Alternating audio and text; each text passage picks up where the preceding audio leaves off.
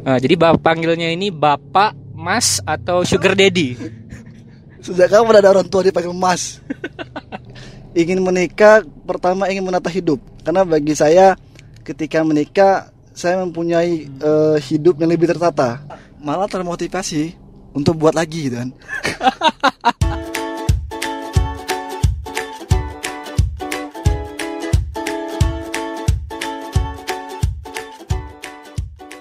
Halo kaum kaum rebahan apa kabarnya hari ini? Semoga rebah-rebahannya santai dan tidak terhalangi oleh suatu apa pun ya.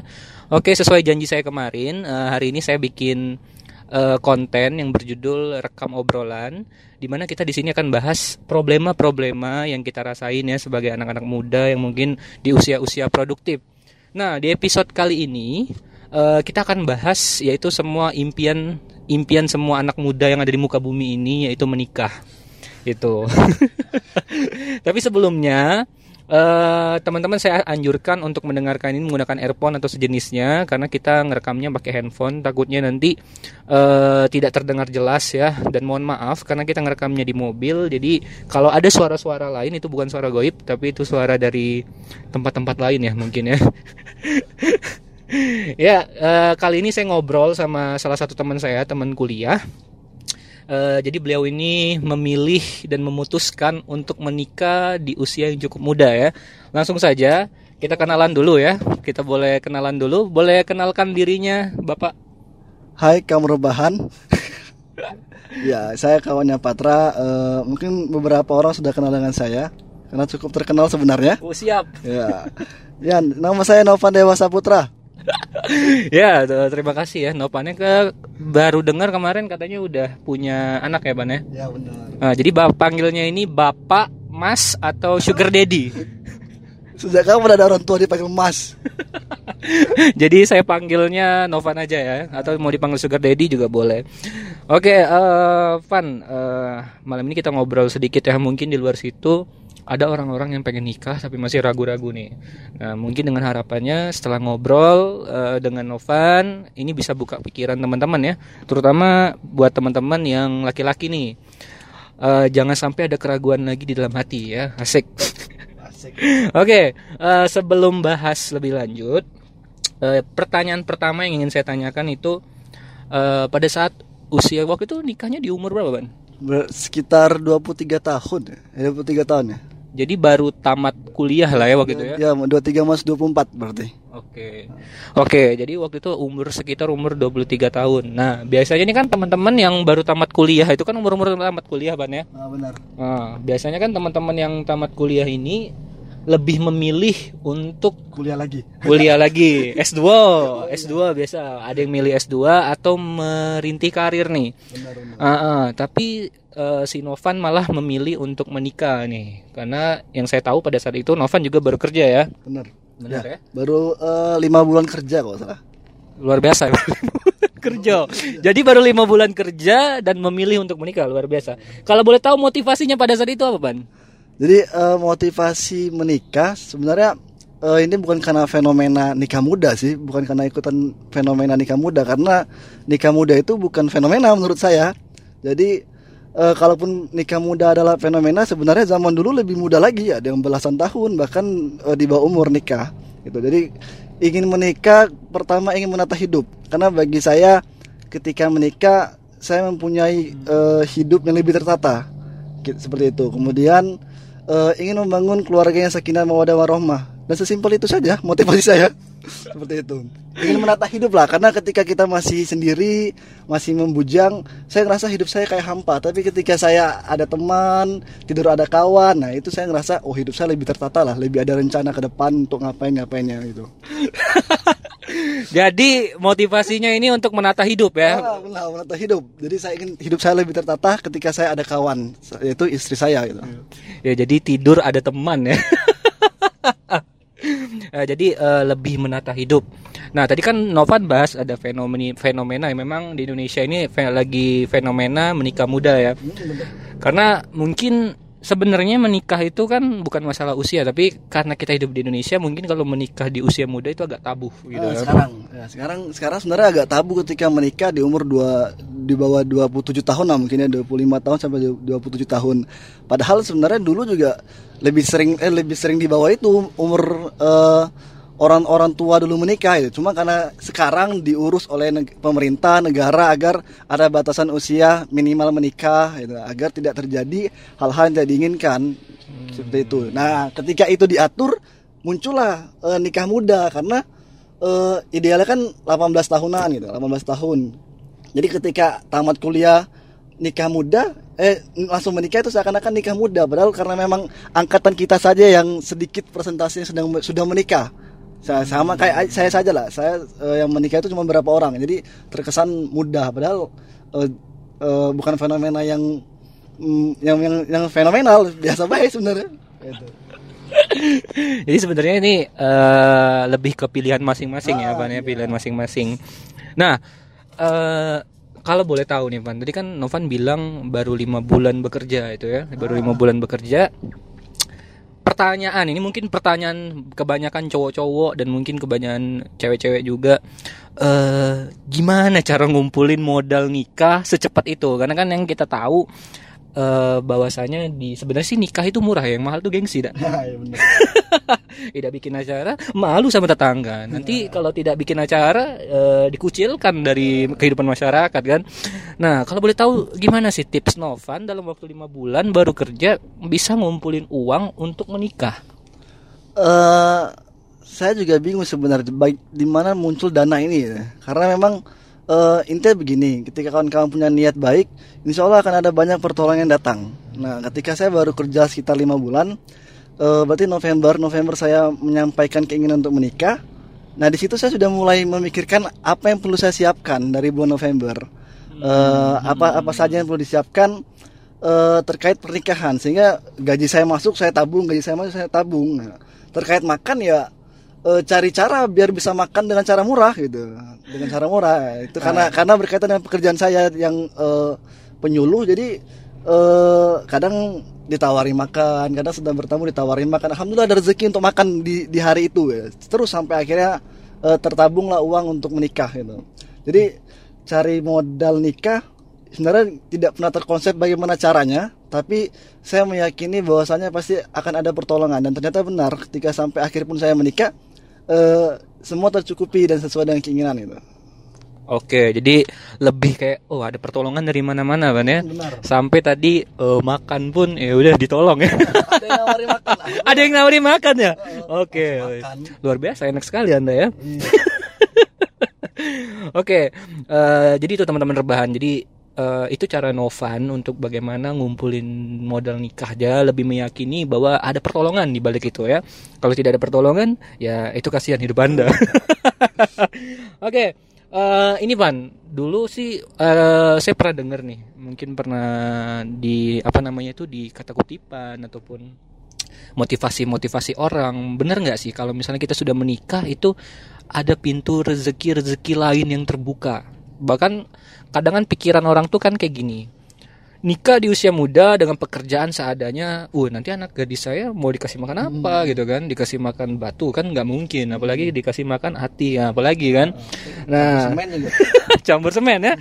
Jadi eh, orang tua tuh kan beranggapan seperti itu. Alhasil pekerjaan-pekerjaan yang menggunakan seragam PNS BUMN itu jadi pilihan utama karena lebih pasti kebanyakan pikiran orang tua kan seperti itu. Hmm. Nah, bener nggak sih Pan kalau misalnya kita setelah menikah itu ada ada aja sih rezeki buat kita bertahan hidup lah.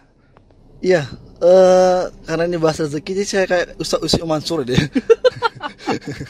jadi eh, sama seperti sebelum saya menikah, rezeki itu rezeki itu pasti ada ketika saya menikah. Jadi istri saya kan kerja. Otomatis ketika ga- gaji saya dengan istri saya digabung otomatis akan jauh lebih besar. Namun karena keputusan bersama, beliau memilih resign. Artinya berkurang dong eh, secara nominal uang kita. Uang kita berdua otomatis berkurang karena gaji cuman gaji saya. Tapi eh, gaji saya sebelum saya menikah sampai hari ini tuh cuman beda sekitar ratusan ribu. Tapi itu cukup untuk kami bertiga sampai hari ini. Artinya memang saya nggak tahu ini rezeki kok bisa cukup. Dengan uangnya segini kok bisa cukup. Karena memang itu tadi ada rezeki-rezeki yang tidak pernah kita pikirkan tiba-tiba ada. Dan itu tidak terduga banyak gitu. Mungkin Contoh, kalau contoh, kalau contoh. kerja mungkin insentifnya jauh lebih besar. Ataupun nanti kalaupun yang kerja juga ada bonus mungkin eh, bonusnya lebih besar. Atau kalau berdagang lakunya lebih lebih eh, keras lagi dibandingkan sebelum menikah. Nah itu. Itu eh, rezeki-rezeki yang sudah Allah siapkan ketika kita menik sudah menikah. Jadi eh, saya pikir bukan nominalnya. Nominal adalah angka. Tapi memang ketika kita menikah kita akan merasa tertata seluruhnya dan itu akan cukup gitu. Bukan bukan karena kita eh, eh, memplanning setiap pengeluaran itu sesuai dengan kebutuhan. Karena sudah tidak lagi pikir keinginan tapi kebutuhan baru keinginan. Mungkin kalau masih membujang kemarin wah ini pasti keinginan terus. Belanja terus belanja terus tapi nggak pernah pikir kebutuhan kita. Nah setelah menikah eh, alhamdulillah sampai hari ini pun semua insya Allah cukup dan saya tidak tahu itu dari mana saja tapi insya Allah cukup dan insya Allah halal lah Ya. Ya, jadi lebih ini ya, lebih tertata apa eh, untuk keuangan segala macam lebih tertata, benar nggak Oh, sih? Benar. Eh, jadi dan yang tidak terduga tadi ya jelas ada, tapi saya tidak bisa jelaskan yang tidak terduganya karena yang namanya tidak terduga itu surprise. gitu. Tidak bisa dijelaskan, tapi ada dan itu selalu ada. Bahkan ketika dalam kondisi eh, kami dalam kondisi wah ini nggak ada lagi duit sebenarnya, sudah akhir bulan biasa ya nggak ada lagi duit. Tapi setelah cek ATM, eh tiba-tiba ada uang masuk gitu. Artinya ada lagi duit, ada lagi duit itu terus secara berkala. Dan eh, sampai hari ini pun saya dan istri saya berkeyakinan ya insya Allah rezeki itu pasti akan terus ada gitu tenang saja gitu Oke, jadi eh, jangan pernah takut, pan ya. Intinya itu jangan pernah takut eh, bahwasanya kita menikah itu takut kelaparan nanti ya. Yang salah itu mungkin sudah menikah tapi tidak melakukan apa-apa gitu kan, Eh, pengangguran, kemudian tidak melakukan apa-apa, tidur tiduran saja. Istri anda mau makan apa? Ya nanti istri anda makannya semen. yang yang terpenting eh, saya selalu sampaikan kepada istri saya juga eh, ya harus tetap bersyukur gitu kan saya pun juga harus tetap bersyukur dengan apa pun yang ada gitu sehingga kita selalu merasa cukup. Jadi syukur cukup gitu. Karena ya itu tadi eh, sendal yang kita punya pun juga harus kita syukuri gitu. Karena ada orang yang juga nggak punya sendal karena nggak bisa pakai sendal gitu kan. Artinya dengan sendal jepit pun kita harus bersyukur. Apalagi dengan eh, kondisi yang jauh lebih baik daripada sendal jepit gitu. artinya bersyukur maka akan cukup itu Oke, eh, tadi mungkin itu ya sedikit tentang ada yang ter- tak terduga, rezeki yang tak terduga setelah menikah. Wahai kaum-kaum laki-laki yang mungkin LDR sama pacarnya ya, lebih baik dibanding uangnya buat jajan.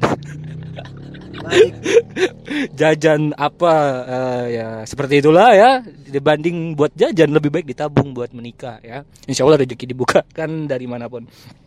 Eh, ini pan eh, ada lagi nih. Eh, aku pribadi tuh saya pribadi ini sempat berpikir pasti kehidupan kita membujang dan menikah itu kan berbeda. Ada hal-hal yang tidak bisa kita lakukan setelah kita menikah nih ya. Mungkin bisa nongkrong tiap malam dulu masih bujang, pas udah menikah itu dipikir dua kali karena ada istri dan anak di rumah gitu. Eh, Novan sendiri ngerasain ada gak sih eh, apa aja sih perbedaan suasana setelah menikah dan masih bujang? setelah menikah dan sebelum menikah berarti ya Ya, suasana. Suasana suasana kota santri. Enggak enggak enggak. Eh, suasananya ya pasti berbeda jelas itu bahkan ketika pertama kali saya eh, eh, men- eh, selesai akad nikah dan kemudian kita bersama aduh ini panjang nanti. Bersama ah, itu dalam suasana kamar pun juga beda gitu kan. Artinya wah ini siapa? Gitu kan ya, pasti mikirnya juga eh, kok nggak nyangka bisa menikah dan sebagainya. Itu pasti itu suasananya Hmm. ya deg-degan, eh, bahagia, haru dan sebagainya. Setelah menikah ini memang banyak sekali eh, eh, rasa yang berbeda sebelum menikah itu pasti jelas. Cuman memang nggak bisa diungkapkan dengan kalimat-kalimat eh, kata-kata ya. Jadi kaum rebahan ataupun kaum telungkup ini rebahan ini tengkurap ya, Pak. Ya, kaum rebahan ini orang-orang yang santuy, Pak. Oh, Tapi kita kaum rebahannya yang berintelektual dong. Tidak rebahan-rebahan karena tidak ada pekerjaan, tapi rebahan itu selepas dari pekerjaan, kemudian rebahan. Itu kaum-kaum rebahan itu. Kiai rebahan, telungkup, jongkok, eh, ada kaum-kaumnya sekarang. Jadi kaum rebahan, eh, kalaupun pengen tahu bagaimana perbedaannya itu tadi menikahlah, gitu. bisa tahu jadi bedanya apa-apa aja. Karena memang tidak bisa dijelaskan secara detail eh, perbedaan sebelum dan sudah menikah. Gitu. Hmm. Gitu. Yang pasti eh, akan menghadapi banyak gelombang, akan menghadapi banyak ombak itu pasti, gitu. pasti dan tidak mungkin tidak pasti. Kecuali kalau menikah sehari langsung pisah, nah, itu mungkin ya nggak nggak ngapa-ngapain. Gitu. Cuma kalau eh, menikah dan ngapa-ngapain itu pasti pasti akan merasakan perbedaannya itu. Oh ya, jadi mungkin banyak perbedaan ya, Pan ya. Dan salah satunya waktu di kamar, ah, kaget, wah kok saya ada teman waktu tidur. Biasanya saya tidur sama bantal guling dan hari ini saya sama manusia. Jadi tadi Nopan juga bilang bakal banyak masalah-masalah yang bakal dihadapi. Nah, ini kan kebanyakan orang ini kan berpikir aduh capek menghadapi dunia yang udah aku mending nikah aja dan ber- beranggapan bahwa setelah menikah itu indah dan tidak ada masalah gitu kan. Nah, coba cerit Novan, menurut Novan setuju nggak sih dengan pendapat ini dan kalau memang setuju apa alasannya, kalau tidak setuju dan apa alasannya? Eh, relatif ya setuju atau tidak karena eh, masalah kan juga tergantung orang menyikapi. Jadi kalaupun menikah banyak masalah mungkin iya, tapi apakah ada yang tidak punya masalah? Mungkin juga ada gitu kan. Ya, tinggal tinggal lagi sebagai kepala keluarga menyikapinya seperti apa, sebagai istri juga seperti apa. Karena memang menikah ini adalah menggabungkan dua orang, dua insan manusia, dua pikiran, dua hati dan sebagainya, dua karakter. Artinya memang akan ada dua dua pendapat, dua perbedaan, dua perdebatan, ya kan, dua egoisme itu pasti ada. Apalagi ketika kita masih muda. Karena memang itu tadi menikah itu untuk bukan untuk menjadi sama, tapi menjadi satu. Artinya ketika kita harus memaksa pasangan kita untuk sama itu tidak akan mungkin. Tapi karena memang kita punya satu, satu visi, satu tujuan, satu misi, insya Allah eh, masalah-masalah tadi itu akan terasa ringan. Karena memang eh, kita tidak menuntut apa pun dari pasangan kita. Karena itu tadi kita nggak pernah minta mereka untuk sama dengan kita, tapi minta untuk terus bersatu gitu. Jadi masalah itu ya eh, pasti akan ada, tapi tinggal kita menyikapinya sehingga yang masalah besar bisa diselesaikan dengan ke- eh, cepat dan eh, eh, tidak perlu dibesarkan. Kemudian yang masalah kecil ya kita anggap masalah-masalah ringan lah. Namanya juga hidup, kalaupun nggak ada masalah dalam rumah tangga ya enak benar beribadah tanpa masalah tanpa godaan gitu. Karena itu tadi menikah ibadah artinya akan ada godaan-godaan eh, di dalam proses beribadah. Dan ini adalah ibadah terpanjang selama kita hidup gitu. Artinya itu tadi balik-balik lagi kita harus cari pasangan yang hmm, sevisi semisi se, se satu tujuan. Karena memang hidup kita akan lama dengan pasangan kita gitu. Dibandingkan dengan mungkin orang tua kita. Kayak saya lah. Andaikan saya di jatah 60 tahun berarti saya baru hidup dengan orang tua saya 23 tahun. Sisanya bersama istri dan anak-anak saya. Artinya memang saya harus mencari pasangan yang eh, sevisi misi dengan saya gitu. Itu sih sehingga masalah-masalah tidak terlalu banyak. Karena apa? Karena kita sudah punya satu visi misi tadi. Cuma kalau kita menuntut pasangan kita untuk menjadi sama maka nggak akan pernah ada satu gitu. Oke, eh, jadi bakal banyak masalah ya. Bukan ini kan beribadah, apalagi kan lama ya Van sampai kita mati kan gitu kan. Kalau misalnya beranggapan tidak ada masalah, Anda hidup di mana? hidup dalam gua mungkin.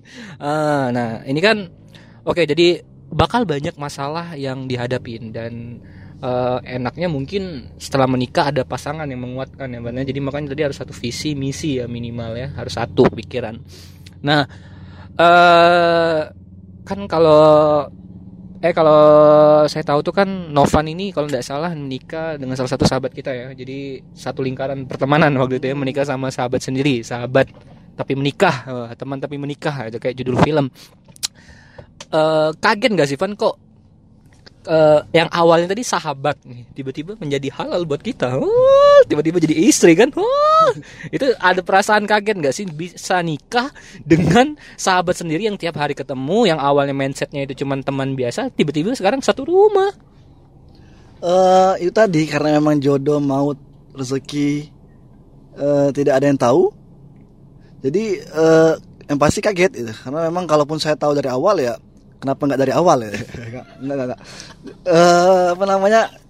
Eh, karena kita eh, berteman kemudian juga eh, dalam kondisi dan lingkungan yang selalu sama-sama. Jadi jadi ketika tahu-tahu menikah dan ternyata jodoh ya pertama kali juga itu tadi eh kayak kok bisa ya eh, jodohnya sama kamu ya kok bisa jodohnya sama eh, kamu dan eh, tahu-tahu sekarang sudah serumah dan sebagainya sebagainya itu kaget lah tapi memang ketika kita berjodoh sama orang yang di lingkungan yang sama ya pasti akan banyak cerita yang juga sama kadang oh baru tahu kalau ternyata dia ini gini dulunya gitu eh saya juga gini dulunya Jadi banyak informasi yang dulu kita nggak tahu, sekarang kita tahu ya, tentang dia, tentang temannya, tentang keluarganya gitu.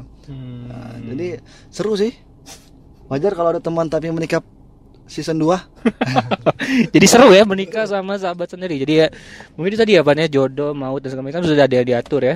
Yang sudah dekat yang pasti tiba-tiba tidak jadi, malah yang jauh yang lebih pasti. Sudah mencari jauh-jauh, ujung-ujungnya balik lagi ternyata orang yang terdekat yang malah ma- lebih ngasih kepastian. Jadi kita tidak ada yang tahu ya. Nah, jadi eh, mungkin buat teman-teman yang di sana dibanding kalian jadi kakak adik atau sahabat-sahabat biasa lebih baik kalau misalnya dia Anda dilamar atau Anda ingin kepikiran melamar, lamar saja sahabat Anda biar hidup Anda pas menikah lebih tenang karena sudah tahu kan kejelekan dan keburukannya itu ya. Oke. eh nah ini kan tadi Novan baru pu- jadi ayah ini ya, jadi ayah. Cewek ya, Ban? Ya, jadi seorang abi muda sekarang. Wah, sia. Abi jangan ayah. Oh jadi abi muda ya. Jadi baru punya anak cewek. Itu waktu itu pas pertama kali eh Novandra namanya Pan ya. Novandra lahir itu nangis atau Hana biasa aja. Alme- Hana Almera Novandra, Hana. Hana ya, waktu Hana baru lahir di muka bumi ini perasaannya gimana tuh Ban? eh eh, terharu, bahagia, senang, eh, sempat panik. Ya bahagia lah pastinya diberikan Allah kesempatan dan amanah yang besar karena memang tidak seluruh orang memiliki amanah ini dan eh, dan setiap orang yang sudah menikah dan pasti akan menunggu momen dan menunggu amanah ini. Jadi ya pasti bahagia sekali. Apalagi ketika pertama kali saya mengazankan ya sedih, terharu, bahagia gitu. Oh, kirain tadi pas lahir nangis, "Ah, biaya kuliah, biaya sekolah, HP baru. ya, tapi lebih bahagia karena tidak semua orang memiliki kesempatan yang sama ya, Pan ya. Nah, eh kira-kira jadi beban, terkadang jadi beban atau malah jadi motivasi nih, Pan. Si kan sudah punya anak, punya istri di rumah gitu kan. Kalau kita pikir-pikir ya secara logika, misal kita hidup dengan gaji 3 juta misal dan kita hidup membujang pun dengan uang 3 juta malah kurang. Tiba-tiba sekarang nambah seorang istri dan anak. Nah, kira-kira itu menjadi beban atau malah jadi motivasi gitu kan? Hmm. Eh, sama kayak yang, yang tadi aku eh, jelasin. Eh, ketika men- bertambah lagi salah satu anggota keluarga kita, itu pasti Allah sudah menyiapkan rezeki untuk si eh, dia ini, misalnya untuk anak kita. Itu pasti sudah Allah siapkan lagi gitu. Itu tadi dengan gaji yang dulu saya sebelum menikah sekian juta, setelah menikah cuma range-nya cuma berapa ratus ribu, ternyata untuk kami bertiga alhamdulillah cukup. Ya. Walaupun kadang dicukup-cukupkan, kan? Tapi karena tadi bersyukur dan insya Allah cukup. Jadi eh, tidak menjadi beban lah sebenarnya karena memang eh, anak adalah amanah, anak adalah eh, titipan, maka ini harus dijaga, harus dijaga, harus diasuh, harus di kita harus bertanggung jawab Ten- dan harus yakin bahwasanya Allah juga akan memberikan rezeki dia gitu dari mana pun. Oke ya, jadi ada aja rezekinya ya waktu jadi ayah malah jadi motivasi dan malah bukan menjadi beban, malah ini sesuatu yang harus disyukuri ya. Jadi buat teman-teman yang masih berpikir 2 sampai 3 kali kalau pekerjaan kalian sudah bagus dan belum belum menikah, mending se- segeralah menikah ya. Malah malah termotivasi untuk buat lagi gitu kan. Jadi bikin dua, cukup eh, kalau tidak cukup dua, tiga, empat, lima, dan nanti bikin showroom. Jadi pemain bola. Eh, jadi pemain bola ya pada.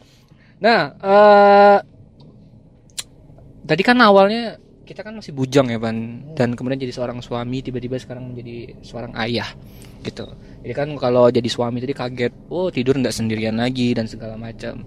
Nah ini tiba-tiba menjadi ayah. Kalau boleh tahu nih eh, apa sih hal terberat eh, waktu Novan rasain pas pertama kali menjadi seorang ayah? eh yang saya rasakan pertama kali ketika menjadi seorang ayah, saya hanya khawatir saya tidak mampu membahagiakannya, tidak mampu menjaganya, tidak mampu menjadi ayah yang baik. Sehingga memang eh, kalaupun ada sekolah, sekarang kan enak nih sekarang sudah ada parenting, ya kan eh, training parenting. Dulu kan orang dulu mana ada sekolah untuk orang tua, benar-benar menjadi ayah yang natural. Eh, atau apalagi sekarang juga ada internet, jadi memang pengetahuan tentang orang tua ya, saya dan istri saya coba pelajarin karena kami ingin menjadi orang tua yang baik, orang tua yang baik untuk eh, anak-anak kami. Jadi uh, itu yang saya pikirkan pertama kali saya khawatir saya tidak mampu menjaga saya tidak mampu memberikan yang terbaik. Cuman karena saya harus berusaha dan saya percaya insya Allah uh, kita akan coba ya untuk menjadi yang terbaik. Siap jadi yang terbaik buat anda. Ya jadi itu ya mungkin tadi ada kekhawatiran. Jadi jadi seorang ayah itu tidak gampang ternyata ya. Nah, jadi seorang ayah itu juga ada ketakutan-ketakutan tersendiri yang bakal dirasain. Tapi itu balik lagi apa jadi suatu motivasi nih untuk menjadi orang tua apalagi sekarang udah zaman canggih, tidak ada alasan lagi untuk belajar menjadi orang tua yang baik ya. Uh -uh. Dan ini Pan, uh, mungkin uh, kira-kira dari Novan sendiri pesan nih, pesan buat pendengar kita yaitu kaum kaum rebahan yang berintelijensi tinggi. Kira-kira apa sih pesan dan motivasi Novan, uh, terutama teman-teman yang sebentar lagi atau yang uh, ini ya apa namanya mau menikah ya? Apa sih motivasi dari Novan gitu loh? Uh, kalau sudah ada niat maka siapkan niat terbaik tersebut lakukan action jangan terlalu banyak berpikir uh, segera tuntaskan apa yang menjadi keinginan. Sehingga memang ketika hari ini pun ada niat untuk menikah ya siapkan dengan sebaik-baiknya. Sehingga uh, kita bisa me mewujudkan apa yang menjadi keinginan kita terutama ketika kita ingin beribadah. Insya Allah Allah akan bantu insya Allah Allah akan permudah. Itu sih. Oke. Ya tadi ya pesan dari teman saya untuk teman-teman yang mungkin uh, pengen menikah ataupun masih ragu-ragu buat menikah ya Nah, mungkin pembahasan kita cukup sampai sini dulu Van ya. ya, ya. cukup sampai sini dulu. Mungkin nanti sebenarnya itu lebih panjang lagi. Sebenarnya bisa lebih panjang lagi. Tapi takutnya nanti uh, durasinya terlalu panjang dan segala macam. Tapi mungkin nanti kita bakal bahas ini lagi ada part berikutnya ya. Mungkin tadi seorang uh, apa menjawab keraguan-keraguan menikah. Nanti kita lebih bahas mungkin lebih ke anak dan segala macam ya. Uh, mungkin itu saja teman-teman ya kaum rebahan. Semoga bermanfaat buat kalian. Ingat selalu kalian adalah kaum kaum rebahan yang istimewa. Oke. Okay? Terima kasih. Selamat malam.